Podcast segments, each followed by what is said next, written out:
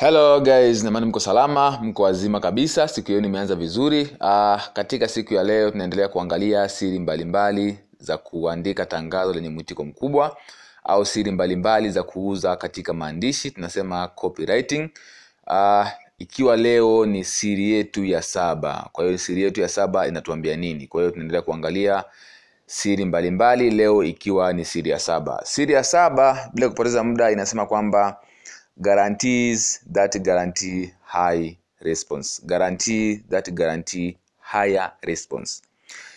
Kwa maana yake ni kwamba aina ya garantii ambayo ina mwitiko mkubwa kwa wateja wako. Utumia aina gani ya garantii katika tangazo lako aidha ni ndani ama nje ya mtandao aidha unaongea kwa maneno aidha umeandika tangazo kwa sababu yote ni copywriting. Utumie garanti gani ambayo ina ushawishi mkubwa kwa wateja kuliko garantii nyingine? Na vile vile aina hii ya garantii inakutenga na ushindani endapo mnauza mnauza bidhaa zinazofanana. Wewe ukitoa aina hii ya garantii basi utajitenga na ushindani kuliko mshindani wako. Okay? Kwa hiyo tunaangalia leo garantii ni ya aina gani? Iko hivi nadhani tumekuwa tukiona garanti ziko za aina nyingi sana. Kuna garanti garanti hutolewa kutokana na muda kiwango cha muda kwamba garanti iko labda ndani ya muda fulani na muda fulani. Sasa nataka nikwambia ni garanti ya aina gani ambayo utakuwa uiandike kwenye tangazo lako ili ilete matokeo makubwa na ilete imani kwa wateja wako kuliko washindani wako. Na vile vile ukitumia garanti hii itakufanya wateja wako wawe na wasiwasi juu ya ushindani wako then wakuchagua wewe. Kwa sababu gani? Kwa sababu utakuwa unajiamini katika bidhaa yako. Iko hivi uh, utafiti unaonyesha kwamba au wataalamu wa copywriting na wa matangazo duniani wanasema kwamba garantii zinazotoa siku thelathini siku sitini na siku tisini which means haziuzi kuliko garantii za muda mrefu. Kwa kifupi ni kwamba garantii za muda mrefu zinauza zaidi kuliko garantii za muda mfupi narudia tena.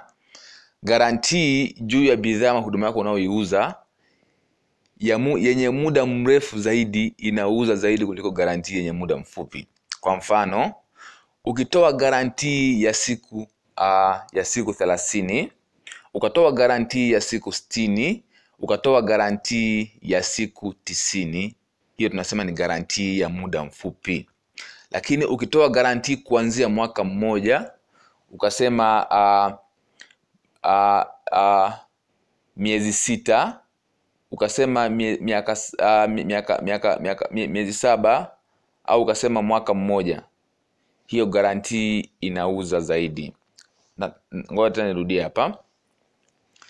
Garantii yenye kuanzia miezi sita tuseme miezi sita na kuendelea. Yaani miezi sita miezi saba mwaka mmoja miaka miwili miaka mitatu miaka kumi na lifetime guarantee.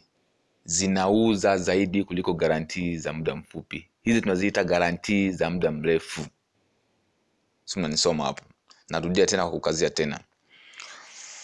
Garantii za muda mfupi ni garantii zenye kuanzia uh, siku thelathini siku stini na siku tisini. Hizo tunasema ni garantii za muda mfupi garantii za muda mrefu tunasema ni kuanzia miezi sita na kuendelea. Yaani miezi sita mwaka mmoja miaka mitano miaka kumi au lifetime guarantee. Hizi tunasema ni garantii za muda mrefu. Sasa iko hivi.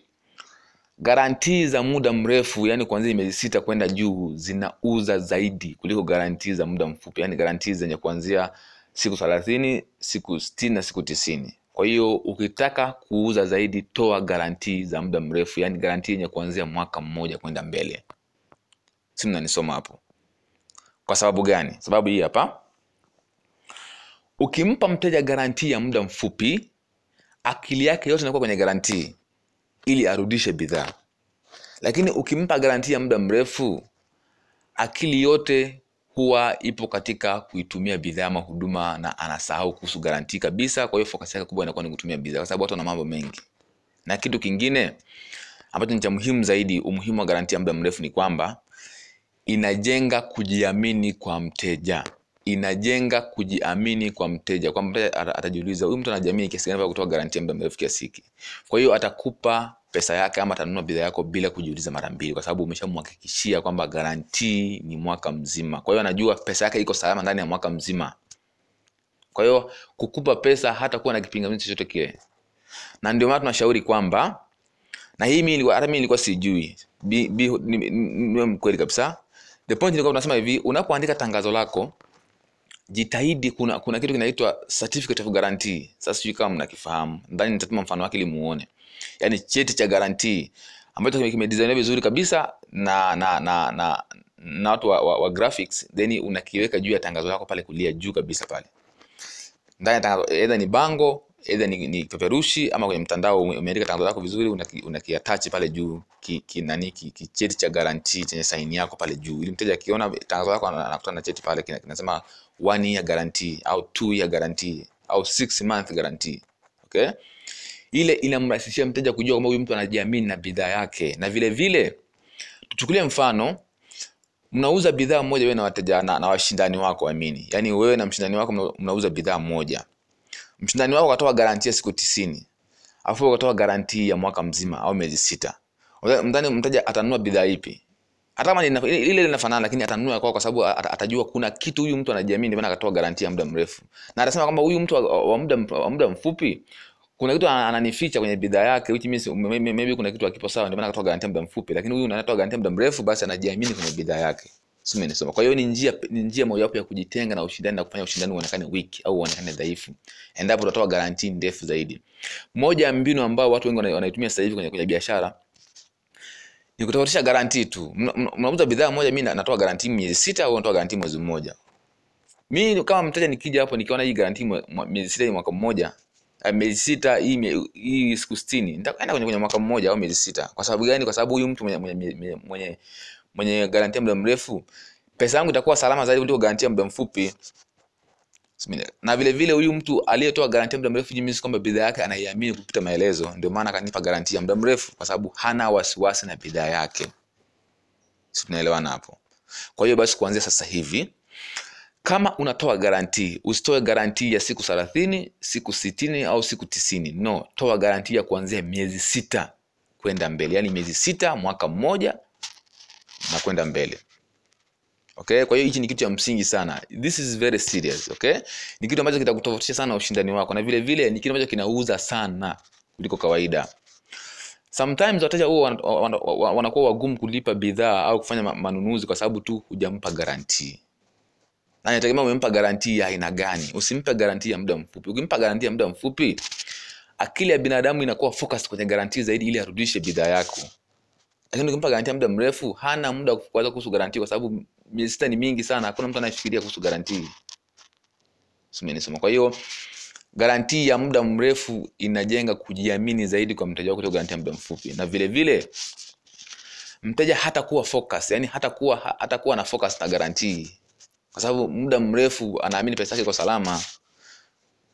Simenisoma hapo. Kwa hiyo garantii ya muda mrefu inauza zaidi ulio garantii ya muda mfupi. Natumia mfano wa, wa, wa certificate of guarantee yani cheti cha garantii ambacho unaweza ukatengenezewa na, na, na mtu wa graphics then uka ukitoa tangazo lako unakiweka una, una pale juu kabisa mkono wa kulia pale juu kwenye tangazo lako. Kitakusaidia sana kuboost mauzo yako. I'm telling you this is very powerful.